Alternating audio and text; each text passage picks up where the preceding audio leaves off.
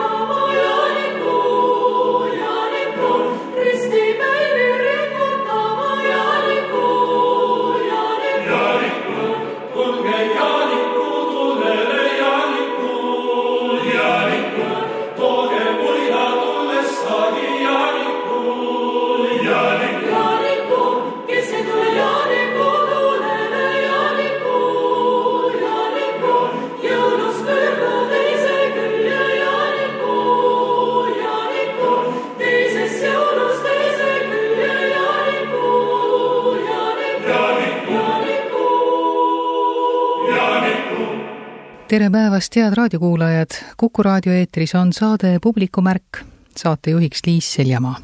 juhin tänase saate alguses tähelepanu Eesti Filharmoonia Kammerkoori neljakümnendale sünnipäevahooajale, mis algab sel nädalavahetusel. uue peadirigendi Tõnu Kaljuste juhatusel Tormise tuules festivalil toimuvad kontserdid Eesti kalendrilaulud täna Tallinnas ja homme Viljandis veel jõuab ka Palamusele ja Kuremaale, kus toimub sel nädalavahetusel kahekümnes külateatrite festival. kahes paigas mängitakse kolmkümmend neli etendust kahekümne üheksa harrastusteatri esituses.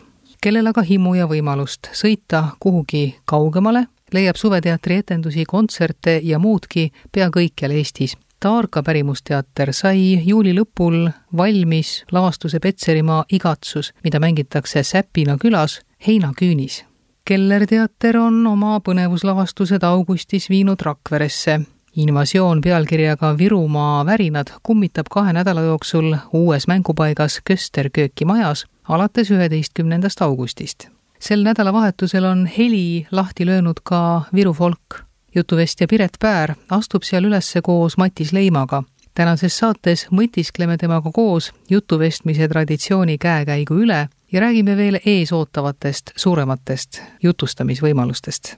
üks juba eelmise suve oodatuim lavastus Serafima pluss Bogdan on Peipsi veerel nüüd esietendunud. saates avavad lavastuse tausta Serafima, Bogdan ja Raimond. võimaluse vaadata juba esietendunud, aga väga vähe mängitud teatrilavastusi annab oma vaatajatele augustikuu jooksul Von Krahli teater eks kõik teatrid tulevad toime sellega, et plaanitud etendused saaks ära mängida omal moel ja Von Krahli teater on leidnud lahenduse mängimata lavastuste festivali näol, ehk siis etendused publikuga. Von Krahli teatri juht Mart Koldits. no need on niisugused etendused, mida on juba nagu mängitud, mõnda rohkem, mõnda vähem, aga ikkagi ei ole mängitud neid nii palju, kui algselt nagu plaanis oli, et, et saaks ikka mängida nii nagu tahtmist on. olete teinud sellise augustit läbiva festivali? nii ta on ja, ja meil just sattus nii, et kui pigem ei esietendus, siis järgmisel päeval tuli esimene lockdown, me ei saanud seda tükk aega mängida. järgmine laine või järgmine lockdown toimus vahetult pärast aia esietendust. noh, mõned päevad saime jälle mängida ja nii edasi, et ühesõnaga meil jah, tekkis selline olukord, et on palju mängimata lavastusi, samas tundus, et tulid kõik hästi välja,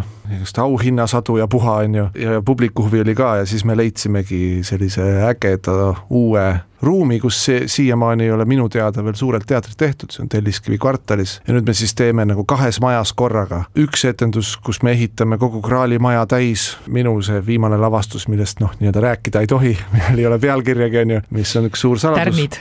tärnidega me seda tähistame, on ju, et see toimub siis samal ajal Graalis, sellel on nii-öelda siis ajaloo viimased etendused, sest seda rohkem lihtsalt tehnilistel põhjustel mängida ei saa, see on nii keeruline lavastus. ja samal ajal siis jah, on Telliskivi kvartalis nagu suuremas saalis, seal on kokku kakssada seitsekümmend kohta, mahub sisse et mängime siis kõiki oma teisi lavastusi. no kui sa ütled Telliskivi kvartalis, siis võib inimestel tekkida segadus, Telliskivis ütleme Jaa. seal loomelinnakus ju on teatrimajad tuleb vahet teha, üks on Telliskivi kvartal, üks on Telliskivi loomelinnak ja nad on täpselt kõrvuti, tegelikult üks areaal nagu justkui ruumilises mõttes ja see on siis M-hoone, no eks me paneme sinna sildid öö, üles, aga et ütleme nii, et kui sealt F-hoone juurest sisse tuled, siis keerake vasakule, mitte paremale.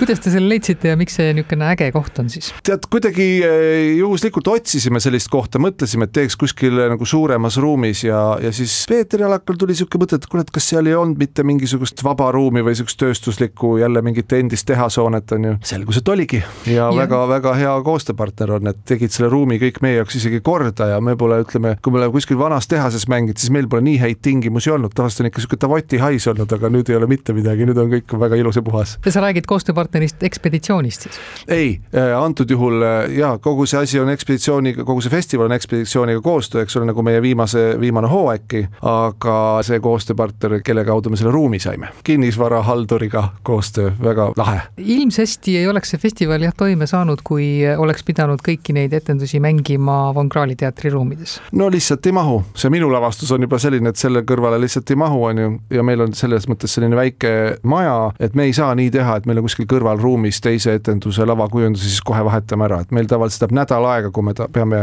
oma majas etendust vahetama. Ja seetõttu nii-öelda meie jaoks on see suur saavutus mängida ühe kuu jooksul kolmkümmend etendust Iga ja veel ja veel viite erinevat lavastust. no sellele lisandub veel hunnik publikuga kohtumisi, me teeme iga nädal, üks näitleja teeb ägeda peo Von Krahli, Von Krahli majas ja noh, see erinevad aktsioonid. Ja siis selle minu tärnitükiga on ka siis lõpus selline aktsioon, et kus näitlejaid ei ole laval, aga olen mina koos publikuga, kõik lavakujundus ja kõik töötab endiselt valgus, heli, muusika, nagu etendus jookseb nagu tehniliselt. Ja ma räägin ära kõik, nagu kõik, mis mõeldi, toimub totaalne avalikustamine, et noh, sellised erinevad, see on näide ühest sellisest aktsioonist, mis me teeme. Miks see peaks inimestele huvi pakkuma? no sellepärast, et see on selle lavastuse nagu kontseptuaalne selline, tundub, et niisugune lõpupauk, mis sobiks, sest ma ütlen, selle lavastusega me tahtsime seda, et pakkuda inimestele seda võimalust kogeda midagi, millest sul puudub eelteadmine. eks me elame sellises maailmas, kus juba, juba sa lähed mingi attitude'iga, siis sa oled lugenud sellest, kellegi prillid on sul juba ette pandud, on ju. ja sellises, noh, mina nimetan seda, et mina tundsin seda ahistust, et me oleme natuke niisuguses ülekirjutatud maailmas, et sellist, sellist puhast kogemust enam nagu väga ei saa, on ju, ja kuna selle lavastuse sisu minu arvates on selline, et see annab väga-väga juurde, kui sa lähed sinna puhtale, sa ei tea, mis toimuma hakkab et see annab sinule kogejana väga palju juurde, siis nüüd tundub see, et, et kui kellelgi on midagi segaseks jäänud, siis ma tahan öelda, et meil ei ole tegelikult midagi varjata. küsimusi saab ka esitada. stseen stseeni haaval võtan pulkadeks lahti, kellel midagi segaseks jääb, nii siis võtame läbi ja pärast saab küsida ka, jah. see on ka lavastus, mida mängitakse kõige rohkem, ütleme kõige rohkem etendusi on. jah, seda me oleme üldse mänginud kuus korda ja nüüd me saame mängida vähemalt kümme veel ja see ongi kõik noh, ta lihtsalt tehniliselt niisugune lavastus, mida ei saa repertuaari sees mängida, sest selle lavastuse ülesehitamine võtab kolm nädalat. mis puudutab nagu teisi lavastusi, siis need on jah, nagu nii-öelda suuremas ruumis ja seal on nagu omaette väljakutse, et noh, tundus, et see ruum on täpselt niisugune paras ümberkaudu kõik need lähimad restoranid ja baarid tulevad meile ka veel appi, nendega on ka päris pull koostöö seal, et kõikidele nende festivali piletiomanikele tehakse ümberkaudsetes baarides ka teatavaid üllatusi ja soodustusi festivali teemadel. aga muidu on siis nii, et järjest äh, lavastused siis Aed, Pigem ei, Paratamatus elada ühel ajal ja sa oled täna ilusam kui homme, et neid niimoodi järjest mängitakse, no ütleme neli etendust. iga nädal on üks etendus nagu, mis puudutab Telliskivi programmi jah, et paralleelselt jookseb Kraalimajas kogu aeg tärnid, eks ole, aga iga, iga nädal esimene oli Aed neljandast augustist ja siis järgmine nädal on Pigem ei, siis oli sa oled paratamatus elada paratama-, ühel ajal. paratamatus ja siis on, sa oled ilusam jah. ja kümnendast äh, on siis juba see Tärni etendus Von Krahlis. jah, jah. kui sa juba enda äh, sellisest äh, nii-öelda nagu lõpuspurdist rääkisid, et Äh. mis need ülejäänud nii-öelda nagu lisaasjad siis on? ei no me teeme iga lavastusega teeme siis sellise Eero Epneri ja Luule Epneri juhtimisel eh, siis sellise analüüsi või, või publiku kohtumise või, või me mõtleme selle praegu pealkirja välja, et mis ta siis on, et no kus väga võetakse- tõsine jutuajamine kus võetakse kohe pärast teemadel. etendust nii-öelda etenduspulkadeks lahti, et kui kellelgi jääb midagi segaseks, siis on võib-olla väga huvitav vaadata, kuidas nagu teised inimesed sellest on aru saanud, on ju siis on iga nädal on vastava etenduse teemaline siis noh, nii-öelda selle nädala lõpupidu Kraali majas. Taavi Eelmaa, see on tegelikult ka justkui ta ise ei luba seda etenduseks nimetada, noh, ma siis ei nimeta, on ju, aga teeb siis ka reedeti Kraali majas veel salongiõhtu kus ta siis astub koos meie muusikust, heliloojast, helimehe Jürgeniga üles ja on töötanud välja sellise väikese no salongiõhtu, nimetame siis seda nii see kõik on väga tore, aga kas te seda ei karda, et augusti äh, alguseks on äh, teatripublik Eestis, nii palju kui seda on, juba nii väsinud teatri vaatamisest, sest etendusi on väga-väga palju? jaa, kõik võib olla ja eks äh, kardame kogu aeg, aga ütleme viimase aasta jooksul selle, eriti selle koroonakriisiga seoses vist on seda igast kartmist nii palju olnud, et tead, oled juba ära harjunud, et tuleb, mis tuleb, meie üritame enda parimat teha ja me loodame, et publik leiab meid üles. meil oli seda lihtsalt nii väga vaja, just nimelt sellepärast, et meil on siin unikaalne periood teatris praegu. meil on sisuliselt nagu, nagu Lauri Lagle ekspeditsioon, eks ole, mis on ka nagu eraldi teatriüksus, eks ole, sellega sihuke suurepärane võimalus, me teeme koostöö lavastusi kolme aasta jooksul ja nüüd just sellele perioodile, kui meil on see nagu eriline võimalus teha suuremalt, teha rohkem, teha ägedamalt, eks ole, satub see koroonakriis ja nüüd ongi meil muidu see olukord, eks ole, et justkui meil on kõik need tükid ju nagu selles mõttes mängimata, et noh, mida me siis nagu juurde toodame, on ju. et siis sellepärast me otsustasime, et esiteks tähistaks natuke seda, et noh, loodetavasti nüüd vaktsiini tulekuga ehk võib jälle hakata minema füüsilisse kontakti, võib jälle kohtuma hakata, ehk on põhjust ka seda tähistada, on ju. et saame ühte ruumi tulla. ühte ruumi tulla, eks ole, ja teine asi see, et äh, saaks neid etendusi siis äh, mängida kõikidele tahtjatele, oleks ka lihtsam kõik need hooaja jooksul tekkinud võlad, ülesjäänud piletid ära realiseerida võimalikult ruttu, sest me saame ühte etendust, me mängime suht harva, on ju, meil on juba piinlik publiku ees, kui me kolmandat korda inimesel vahetame piletit välja, on ju, et nüüd me otsustasime, et no vot näed, nüüd augustis saab ja kõik mahuvad ära, eks ole, see on see point. publikumärk. Peipsi ääres Kolkjas mängitav Serafima pluss Bogdan on üks neid teatrilavastusi, mida on ka pikalt oodatud. juba eelmisel aastal, kui ta toimuma pidi, siis teda väga oodati ja ma arvan, et see ootus ei ole selleks suveks kuidagi vähenenud. nüüd on ta esietendunud publik on ära nähtud. stuudios on Serafima ehk Iloan Saarepera, Bogdan ehk Andres Mähar ja siis pluss nende kahe vahel Priit Loog, kes mängib äh, Raimond Uusküla. Te kindlasti tahtsite möödunud suvel seda juba mängida, aga üleüldse, kui mõtelda selle lavastuse peale, et mida te ootasite, tahtsite? ma olin küll ikka täiesti valge sile otse printerist tulnud leht, et ma ei osanud nagu mitte midagi oodata ja hüppasin julgelt pea ees sisse. Oh, roll ise on ju nii, võiks öelda raske jah, ja keeruline, et ega ma alguses küll väga selget pilti ette ei kujutanud, mis sellest võiks välja tulla. Ja ma ühinen Andresega selles osas, et ei osanud selles tüki kontekstis mingisuguseid ootusi omada peale seda kutset, lugedes läbi raamatu, siis muidugi tekib teatav tunne võib-olla sealt mõni ootus või see lootus, et tundub, et see saab olema vägev asi, aga ütleme esmalt ikkagi kogu see Tartu Uue Teatri fluidum, mis minuni on kandunud või et koostöös Ivariga olen ma teinud ka varasemalt ühe tüki Pärnu Endla teatris ja olles näinud ka mõnda tema tükki, siis see pani küll nii-öelda kõrva kikitama ja noh, nii-öelda olema ootusärev, et seetõttu ma ikkagi ootasin seda põnevil ja hea, et see nüüd lõpuks esietenduda sai.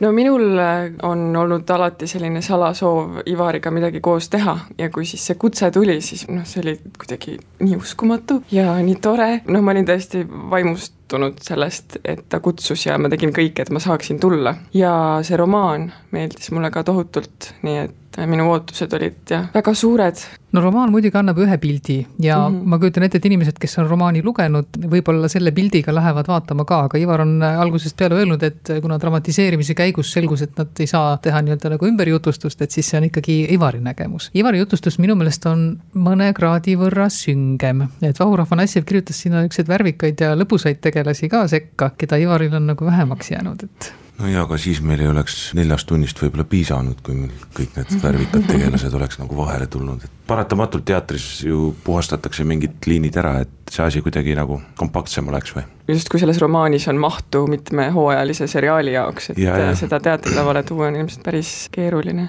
ja ma arvan, et ta on sealt sellise essentsi, noh eelkõige selle, mis teda on kõnetanud, sealt välja võtnud ja siis sellest äh, vorminud midagi, et jah mm, -hmm. eks neid ohverdusi peab tegema, no lavale on muidugi ta tinglikult toodud, tegelikult noh, olgem ausad, kogu tegevus käib võsas. täpselt nii ja nii palju, kui kuulda on olnud, siis ka see valik on ennast õigustanud või vähemalt ka sellised kogemustega teatrikülastajad on andnud tagasisidet, et see kuidagi on nii maagiline, kuidas üks lihtne võsa on võimalik muuta millekski selliseks elavaks ja hingavaks ma loodan vähemalt, et see võsa noh, nii-öelda nagu püsib ka et te sealt käite ikka päris usinasti läbi, et te peate just väga ettevaatlikult käima, et see loomulik kadu nagu nii suur ei ole. eks Võsa on ka meil väga tugev partner seal jah, et, et me peame temasse samamoodi suhtuma nagu teistesse partneritesse. kuigi tundub, et on mingit kaot, sest millegipärast eilse etenduse ajal ma juba kuulsin liiga palju, olles ise ühel pool Võsa, ma kuulsin, mis teisel pool toimub, nii et mul tundus, et kas nüüd sügis hakkab tulema ja on nagu lehed ära langenud või siis mängivad muidugi näitlejad, annavad niimoodi niimoodi takka ette, et ma kuulen, aga või on siis kolmas variant, et võsa hakkab järgi andma? Ivar on Raimondile kirjutanud sellise toreda monoloogi ka, kus see võsa tegelasena nii-öelda nagu sisse tuleb. jaa, kuigi seal jah, monoloogis on see võsa rohkem kui selline rahu ja oma paiga ja pelgupaiga kujutis võib-olla, et noh, sellega saab tuua võrdlusi ja seal monoloogis ta eelkõige räägib sellest võsast ikkagi kui oma kohast. kui me räägime teie rollidest ja tegelastest, siis no ühest küljest võib öelda, et Raimondi ja Serafima tegelaskujud on noh, nagu selged, eks ole, üks on selline halb, kuri, paha miilitsamees ja teine on siis õnnetu väärkoheldud naine, et see Bogdani roll võib ka sel vaatajal, kes võib-olla ei ole lugenud ja kes tast midagi ei tea, jääda natukene nagu segaseks, et kes on Bogdan eelkõige sinu jaoks? ega ma ei tea, ma otsin teda ka jätkuvalt, et ta on ikkagi südames on ta hea inimene ja süda on õige koha peal. tal juhtub lihtsalt nii palju erinevaid sündmusi, mis mõjutavad tema edaspidist elu ja ka Afanasjevil see teos, Serafima ja Bogdan, et ta on ikkagi nii, nii tugevasti nagu sarnane antiiktragöödiale, ainult et ettekuulutust ei ole või ei ole nagu seda teetähist, et noh, et kui sa nii teed, et siis juhtub nii, aga kui sa teed nii, siis juhtub teistmoodi. ega see kättemaksu teema, võib-olla Bogdan ei valiks seda ise, seda kättemaksu? ja, ja, ja absoluutselt, see on jälle sündmuste ahel, mis teda viib sinna, et see Bogdan niisugune natukene autistlik tüüp on, et ta on üksik niikuinii, ta saab oma kontaktivajadused ja, ja ütleme, läheduse ja kõik sellised vajalikud asjad saab ta oma praktiliselt kõik ainult oma õe käest, ema kuju ongi tal ainult Serafima ema sureb neil ära sünnitusele, eks ta ongi väga raske juhus. aga mis Raimondit taga kihutab, mis tema kättemaks on? Võib-olla Raimondi käivitavaks jõuks ja põhjenduseks, miks ta teeb asju nii, nagu teeb, mõtle, kuidas tahad, aga tundub, et jõuad ikka välja sinna armastuse puudumise, selle võimuredeli ronimise otsa või et noh, kui fantaseerida, milline oli tema lapsepõlv ja nii edasi, siis kui mõelda, et need asjad kanduvad ka ülejäänud ellu edasi, et siis võib-olla on sellest kõigest jäänud kunagi vajaka nüüd on mees saanud sellise ametiposti ja ta tahab ennast, eks ole, seal kuidagi kehtestada, tahab, et temast midagi peetakse, ta tahab, et temast lugu peetakse ja et asjad oleksid tema kontrolli all. ja siis, kui asjad ei lähe muidugi niimoodi, eks ole, et siis tuleb hakata võitlema ja siis mul on tunne, et ta mattub kogu selle suure võitluse ja kontrolli ja, ja, ja tegelikult ilmselt ikkagi armastuse poole püüdlemise alla, et mulle tundub, et see kõik käib talle ka üle jõu no võib-olla Serafima niisugune kättemaks on kõige lihtsamini seletatav, aga võib-olla kuulates näiteks, mis publikus räägiti, et võib-olla Serafima käitumine ehk ehmatab inimesi kõige rohkem või? teda ka kindlasti kannustab see, et järsku on talt võetud kõik, mis oli tema elus head, tema pere, vennad, armastus, ta on kuidagi väga järsult kaotanud kõik. Ja see on nii tore, et Mähar siin kaitses oma Bogdani, et see kättemaks ei tule nagu temalt, aga Serafima võtab seda küll sellena, et see on Bogdani, tema targema venna idee või justkui see impulss tuleb Bogdanilt. ja kuna ta Bogdani nii väga armastab, siis see tundub kuidagi ainuõige, mida teha.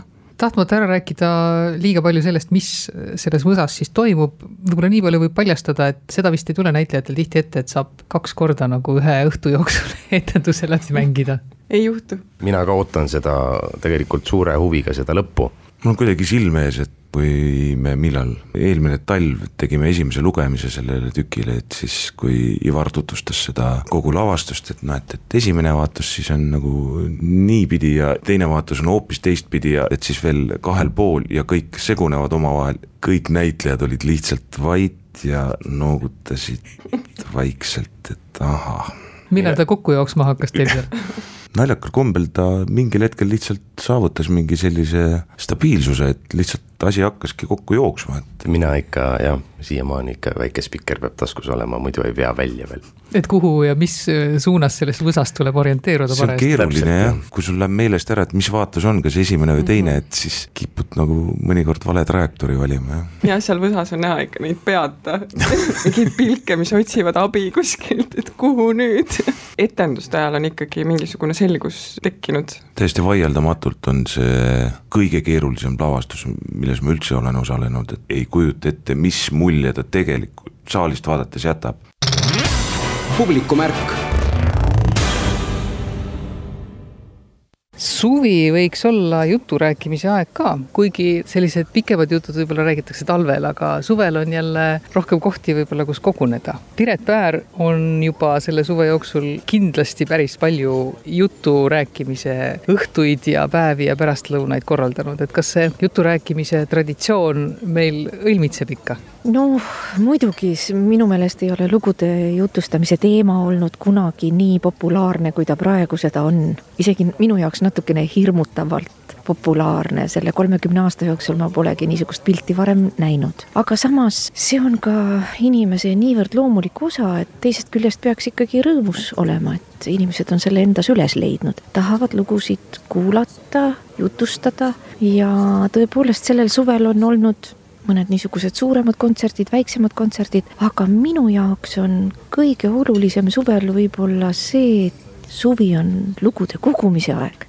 kõik elab ümberringi ja ise ka ju inimesed on avatumad. ja ma ise just olen mõelnud, et suvel tuleb kõvasti koguda, et siis pikkadel pimedatel talveõhtul jagada seda kogutut. see on eelkõige kogumise aeg minu jaoks on sul olnud siis juba hea saak ka või? oi, kogu aeg juhtub, niipea kui nina kodust välja pistad, juhtub. siin võib olla ka asi selles, et lihtsalt märkan ka rohkem, võib-olla kui tavaline inimene, sest ma olen ju harjutanud seda ja õpetan seda teistele ka, sest lugude jutustamine algab märkamisest, siis järgmine samm on kuulamise oskus ja siis alles tuleb see, et jutustada seda, mida sa oled siis märganud ja kuulnud no eks sa oled ise sellele kaasa aidanud, et inimesed no ütleme, räägivad, võib-olla märkavad ka rohkem, aga võib-olla nad tulevad sulle rohkem rääkima ka, sest nad teavad, et sind huvitab. jaa, seda küll, mõnikord kontserdil küsid inimeste käest ka, mina olen selline suhtleja jutuvestja, minu jaoks on hästi oluline, mis hakkab toimuma kuulaja ja minu vahepeal. Ja mõnikord ma siis ka kutsun neid dialoogile. ka suurel kontserdil ikka nii väga julgelt ei hakata oma lugusid jagama, aga siis pärast kontserti Nad võivad sulle tänaval järgi tulla veel ja järgmisel päeval võtavad nööbist kinni, et tead, sa rääkisid eile selle loo ja mõtle, minu vanaisaga oli ka niisugune asi, et sa oled äratanud nende lood ellu.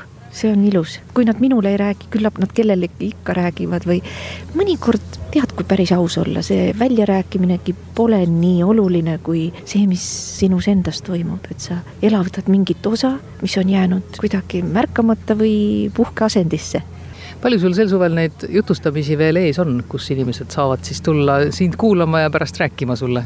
folgid hakkavad nüüd ju otsa lõppema, aga Viru folk ongi veel jäänud. Matis Leimaga oleme seal kaheksandal augustil, see tähendab minu jaoks vene muinasjuttu, Matisele rahvamuusikat Karmoškaga ja vene muinasjuttudega olen ma võib-olla kõige-kõige isiklikumalt seotud, sest just üks lapsepõlves no ma arvan, kuskil nelja-viieaastane võisin olla, kui mu vend rääkis ühte vene muinasjuttu mulle ja sellest sai minu elulugu.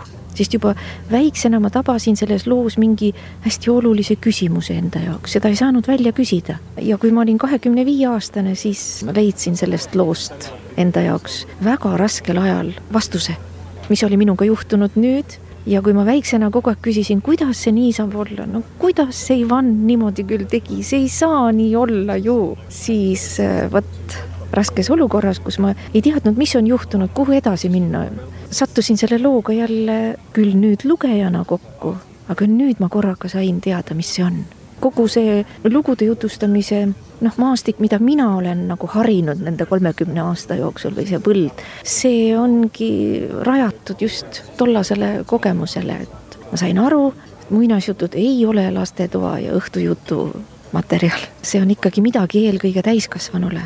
Ja kui meie neid lugusid ei jaga, siis võib lapsel jääda üks väga oluline osa elus kogemata kui folgid äh, hakkavad jah, tõesti otsa saama nüüd, et äh, siis äh, ma loodan, et veel neid suviseid õuekogunemisi ikka jätkub, et kas lisaks sellele Viru folgile, mis on nüüd suurem asi, on sul midagi veel ees? palju on niisuguseid, no kuidas ma ütlen, kodukontserte, mida siis omadele ja sõpradele pühendatakse, aga üks selline juturikas päev tuleb kahekümnendal augustil, on niisugune eriline tee nagu romantiline rannatee ülevalt tuleb mere äärt mööda Pärnu äärest allapoole, siis on meil Kuldne Malvaga lausa kaks kontserti. minu kodulehelt ja, ja küllap Facebookis igal pool need reklaamid liiguvad ka, kus veel lugusid saab kuulata. just neid, mis mina olen valinud ja mulle meeldivad alati niisugused marginaalsemad lood, mis on jäänud märkamata, ma olen nende advokaat, nende eestkõneleja. no ja näiteks äh, raamatki, mis nüüd kevadel ilmavalgust nägi pühendusega eelmise aasta Eesti Rahvajutu aastale mida ma vedasin, siis Õnneliku inimese särk. no seal on ka niisugused lood, mis jääksid võib-olla nendes mahukates antoloogiates, kus nad siiamaani on ilmunud, jääksid tähelepanuta ja siis ma arvan, see jutuvest ja puudutus teeb nad jälle nähtavaks inimestele. tegin seda raamatut suure rõõmuga ja ma arvan, et juba kunstniku lähenemine, Katrin Erlich on selle raamatu kujundaja, on juba nii tore, ta on sidunud need lood kokku ka kunstiliselt üheks tervikuks ja kogu raamat on üles ehitatud, nagu see oleks üks jutuõhtu. iga lugu saab innustust eelmisest. nii et seda raamatut võib lugeda niimoodi, et loed terve õhtu jooksul kõik läbi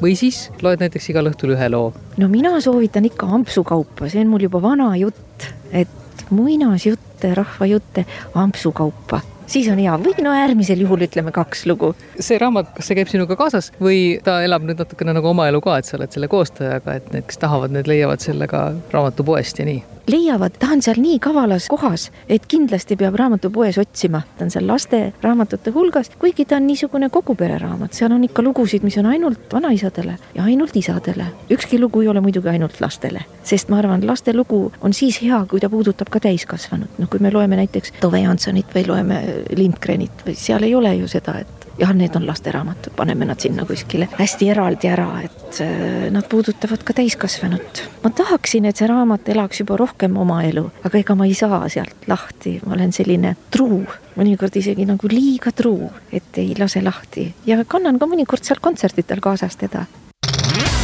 publikumärk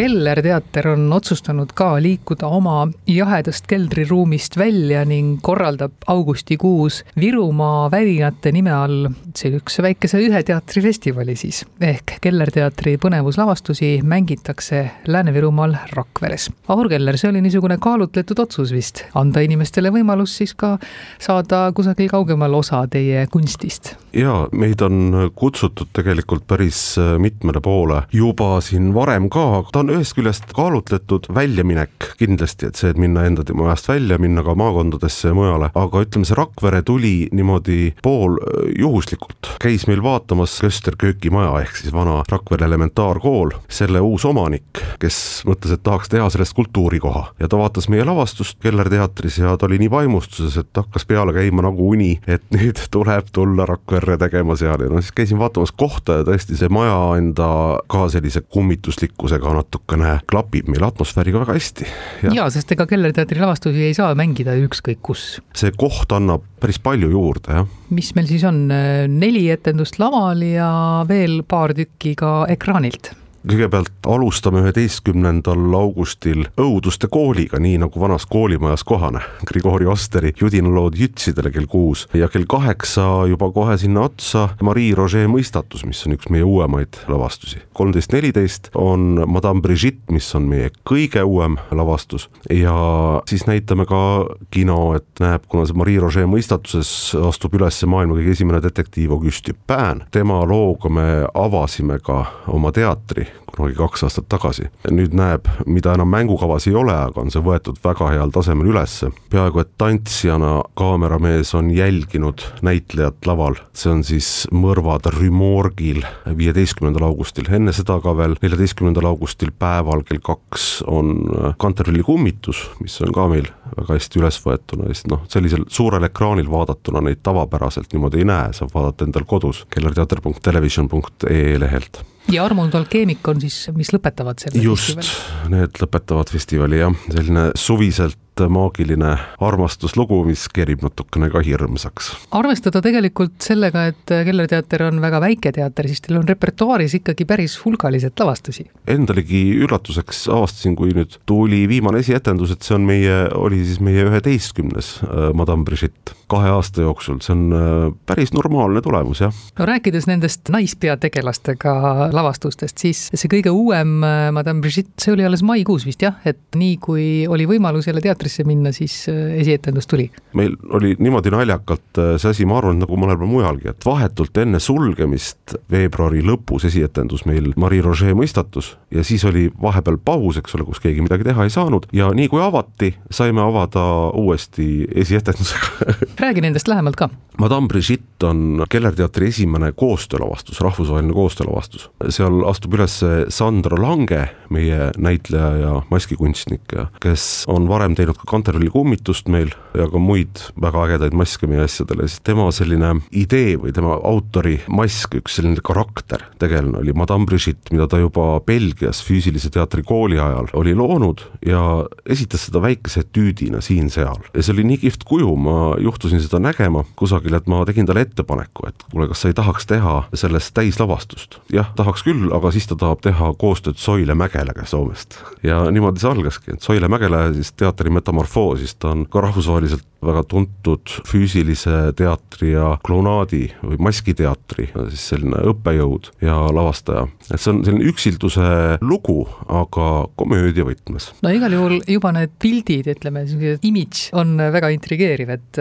see maskivärk ei ole meil eriti levinud Eestis, et see võiks juba tähelepanu äratada. Seda tehakse kahjuks nagu üsna vähe jah, sellepärast et Eestis ei ole ju ka vastavat koolitust, et võib-olla mingil määral paar tundi saadakse lavakunstikoolides ka tööd maskiga, aga noh, see on täiesti en-, omaette valdkond. ja Euroopas on seda väga kõrgel tasemel, et noh, see Belgia kool, kus Sandra õppis ja ennast veel on täiendanud mitmel pool, ta on, ma julgen öelda, et Eesti absoluutne tipp selles valdkonnas. aga Marie Roger mõistatus? Marie Roger mõistatus on äh, siis järg Edgar Allan Poe Dupini esimesele loole või ühesõnaga teine juhtum detektiiv Dupini juhtumite reast, ta on kokku neid kirjutanud kolm ja see on maailma arvatavalt kõige esimene kirjanduslik krimilugu, mis põhineb dokumentaalsel, päris sündmustel see oli siis üks Mary Rogers, kaunis tubakaneiu New Yorgis, kes leiti tuhande kaheksasaja neljakümne esimesel aastal äh, jõest surnuna, vägivaldselt tapetuna ja Edgar Allan Poe kirjutas, no mõrv jäi lahendamata, keegi ei saanudki teada täpselt, väga palju oli versioone, kuna tegu oli üle linna kuulsa tüdrukuga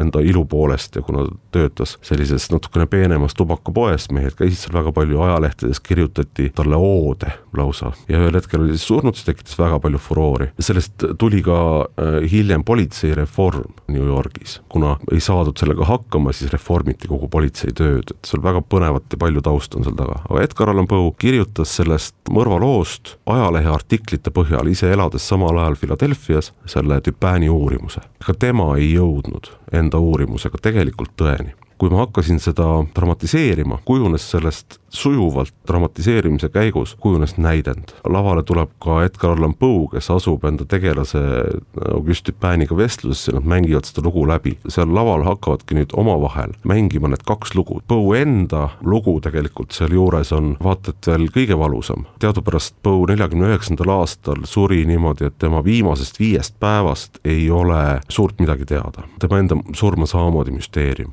et meie loo lähtepunkt ongi see, kus Poe on enda mingisuguses kujutluse ruumis, ta ei tulnudki teadvusele, eks, ja, ja siis hüüdis veel kellegi Reinholdsi nime, keda ka siiamaani ei teada, kes see Reinholds oli.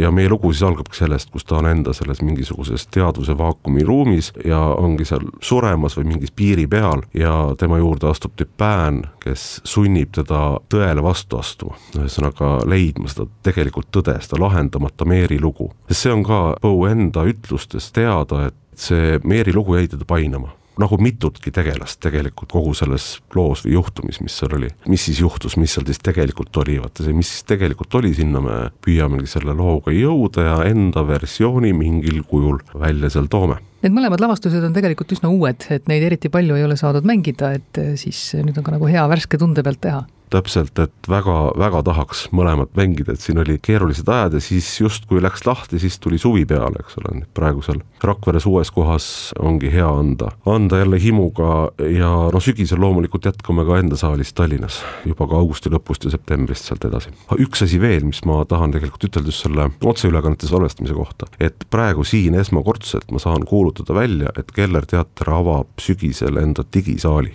põhimõtteliselt jah, et see tuleb saali võimekus, kust on võimalik teha otseülekandeid ja veebiplatvorm, noh ilma suuremate ümberkorralduste või ressurssideta pidevalt. see on ikka järgmine tase juba, ütleme nii. ütleme nii. publikumärk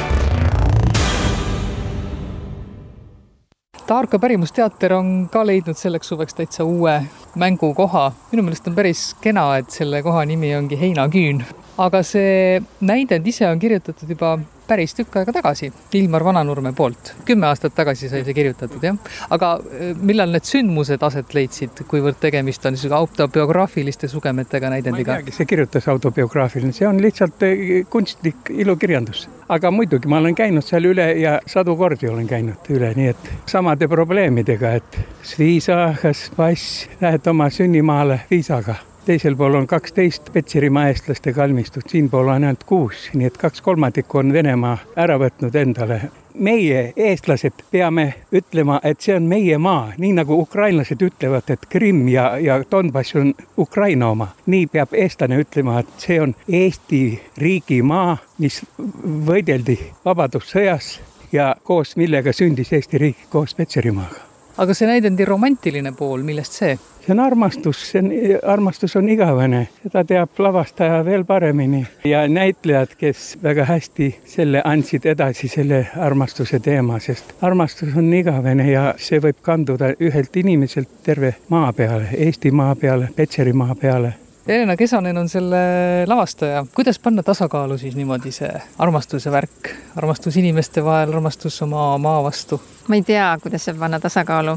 tuleb lihtsalt sisemas leida kuidagi see tasakaal. südames peab armastus olema. no selle trupi sees on kindlasti suur armastus, ma mõtlen just selle maa vastu. oo, meil on väga suur armastus Setomaa vastu, et kui ma midagi teen, mingit lavastust äh, Setomaal, siis ma ikkagi alati üritan kaasata kohalikke äh, inimesi, et äh, kes on nii-öelda siit pärit ja oskavad keelt ja kellel on see maatunnetus ja maa-armastus olemas. selleta noh, on kuidagi raske nendele tekstidele üldsegi läheneda. trupid on ju igal aastal erinevad, päris sama ei ole ju, kuigi on ka ütleme trupis neid, kes on algusest peale olnud? jah, seda küll jah, et äh, aga ikkagi vastavalt rollile, et kes siis äh, võiks olla see sobiva hingelaadiga näitleja, see on ikka noh, nii-öelda Pauli tegelane on vaja ikka väga spetsiifilist näitlejat Agur Seim on see Pauli tegelane, kas see on sobiva hingelaadiga näitleja, et ka muidu kirjutab luuletusi Kuu valgel ja? absoluutselt ei kirjuta kuuvalgel luuletusi, aga on tulnud ette küll eelmises loomeprotsessis. aga pigem nagu, nagu tahaks nagu laulda, mitte luuletada, et hästi raske on luuletusi esitada või luuletada üldse. no kas laulmine on ka luuletuste esitamine ainult et viisiga? aga kuidagi lihtsam, kergem on laulda, kui kõnelda aga oleks võinud siis anda ju natukene laulmist? see on juba järgmises lavastuses, Seto beatbox. no aga Mari Kalkun laulab ju ka väga ilusasti. noh, iga kord, kui temaga nagu kaasa minna, tema muusikaga kaasa minna, siis lihtsalt kisub pisara ja liigutab hingekeeli, et see on, see on imeline jah. Suur aitäh, et meil see muusika oli, muidu oleks võrreldamatult nagu vaesem kogu see etendus. aga kui sellest kohast veel rääkida, sellest samast küünist, et kuidas see küün üldse mängupaigana niimoodi esile kerkis, see on ka väga sümboolses kohas, ma ei tea küll, kuhu poole peaks näitama, aga kusagil sealpool on siis see kontrolljoon. Ja, et no tegelikult me pidime Saatses tegema alguses, et oli angaar välja valitud ja Saatse ka selline sümboolne koht, et sõidad natukene üle Saatse saapa, et natuke saad Venemaal käia korraks autoga, et aga see kukkus ära, see angaar ja siis me lihtsalt otsisime otsisime, no tõesti, kus me teeme, et see oli vahetult enne proovide algust ja lihtsalt äh, hästi juhuslikult saime teada, et perekond Saamol on ostnud endale vanad laudad ja küüni, et hakata kanu pidama siin. ja siis mõtlesime, et äh, äkki nad lubavad meid siia ja see tõesti, see küün oli väga nukras seisus, keset põldu, rohtu kasvanud, uksed kõik eest ära, mingit jama täis. siis me lihtsalt mõtlesime, et okei okay,, noh, meil ei ole nagu valikut, et nii väga tahame teha ja, ja nii suur igatsus on südames ja siis mõtlesime, et ongi tore, et olemegi siis siin, ma ei tea, põllu peal ja kõik laguneb ja ka Petseri on siit kolme kilomeetri kaugusel ja eks ta ole siis nagu tähenduslikum ja keda see distants hirmutab, siis ärgu tulgu, aga kes tunneb, et see on see õige koht, siis tulgu. täna oli päris mitmeid, kellel on samamoodi nagu Ilmari lapsepõlvesuved mööndunud Petserimaal vanaisa, vanaema juures ja nagu need videoklipid, mis seal vahepeal oli, kuidas väike poiss oli seal vanaemaga, et ma usun, et see oli see võib-olla, mis ka puudutas nende hingekeeli kõige enam. ja siis lõpus need fotod, kus need kadunud esivanemad kõik oma silmadega vaatavad meie peale ja, vaatavad, mis meil siin toimub ja kuidas see kõik, kelle jaoks siis kasvab, kelle jaoks siis kaob. no kadunud esivanematest rääkides, siis Siim Angepikk mängib tegelikult ühte kadunud esivanemat, kes tuleb nõu andma lapselapsele. ma sain sellest sinu tegelasest kõige paremini aru siis, kui tuli see matuse koht, et kui on mingisugused niisugused kindlad rituaalid ja, ja asjad, mida tuleb täita, et siis just nagu esivanemad vaatavad, et kas seda kõike õigesti tehakse.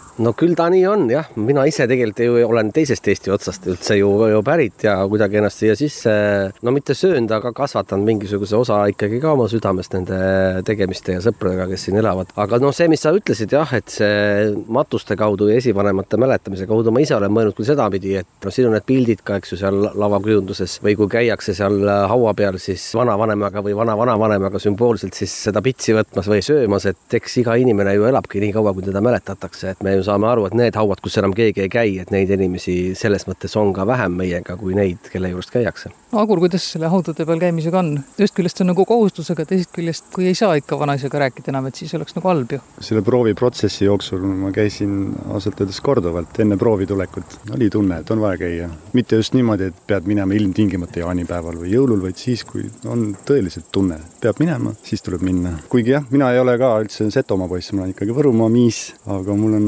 lapsepõlvekillud on Petseriga küll seotud, vana-onu, vanatädi elasid Petseri linnas. Petseri käigud on natuke meeles on. Siim, ma kuulsin, kuidas selja taga põlised setud ütlesid, ei, päris hästi ilusat keelt ikka räägivad, et sa oled nagu käppa saanud selle endale, vähemalt äh, nii-öelda nagu teatri mõistes hästi. nojah, teater teatavasti on selline no petukaup, aga no aga mul on seda sõpruskonda ja Setu ja Võrumaa käike on nagu kogunenud nii palju, et sellest noh, kunagisest väga varase nooruse nagu mittemõistmisest on saanud tänaseks noh, poole teraga vahel nii nalja pärast isegi nende keelte nagu rääkimine vahest mingites olukordades, et äh, jah, midagi vist on kuhugi nagu siis ikka tulnud. no kuidas Helena on selle keele rääkimisega üldse, et kas see peab olema nii hästi räägitud, et setod ka rahule jääksid? no ma arvan, et eks kõikvõinu arvu saia ja mõista, millest tuu lugu kõneles. ma eks tuud kõik aeg taha, et nagu tuu keel ja kultuur arenes, kui just nagu selliseid kaasaegseid teemasid tuua teatrisse, et ei oleks mingid nii-öelda folkloorsed kavad, aga me saame rääkida selles keeles nii-öelda kaasaegsetest asjadest ja sellest, mis meile haiget teeb ja mis meid puudutab, et siis ju see keel ju püsib. tegelikult selles näidendis räägitakse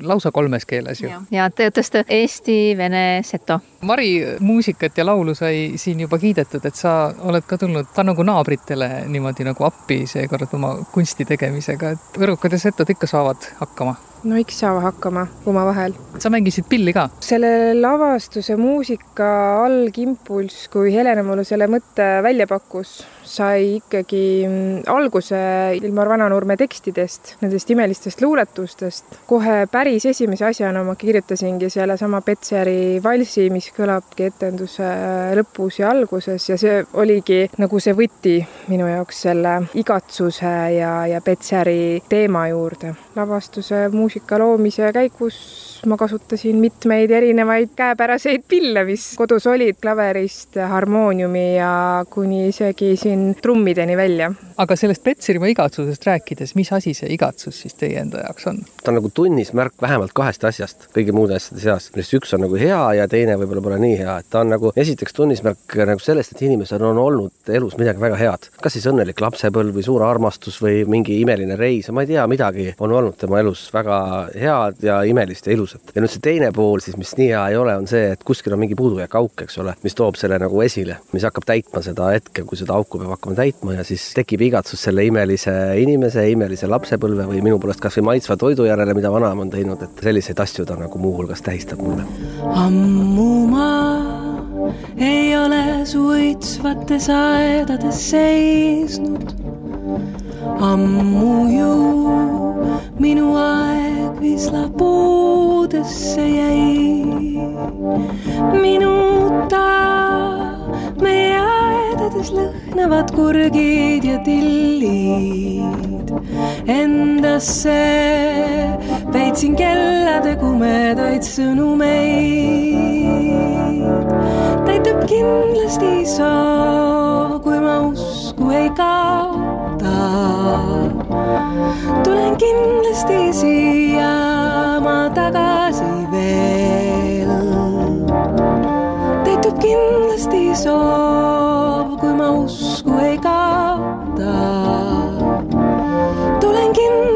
Siia ma tagasi veel. kuhugi ei kao me soontest me põlinemake. tulevaid aegu, kuid hoolsasti varjama peab. Petseri taevaste tütar, sa kurja eest peitu. karjana muidu kisuksid võõrad sul südame seest. täitub kindlasti soov, kui ma usku ei kaota. tulen kindlasti siia ma tagasi veel täitub kindlasti soov, kui ma usku kindlasti siia ma tagasi veel. hingele oled lisanud kindlust ja lootuse jõudu, igaüks aru saama ei saagi su kutsungeist. ammu ma ei ole su õitsvates aedades seisnud. Petseri, We behind.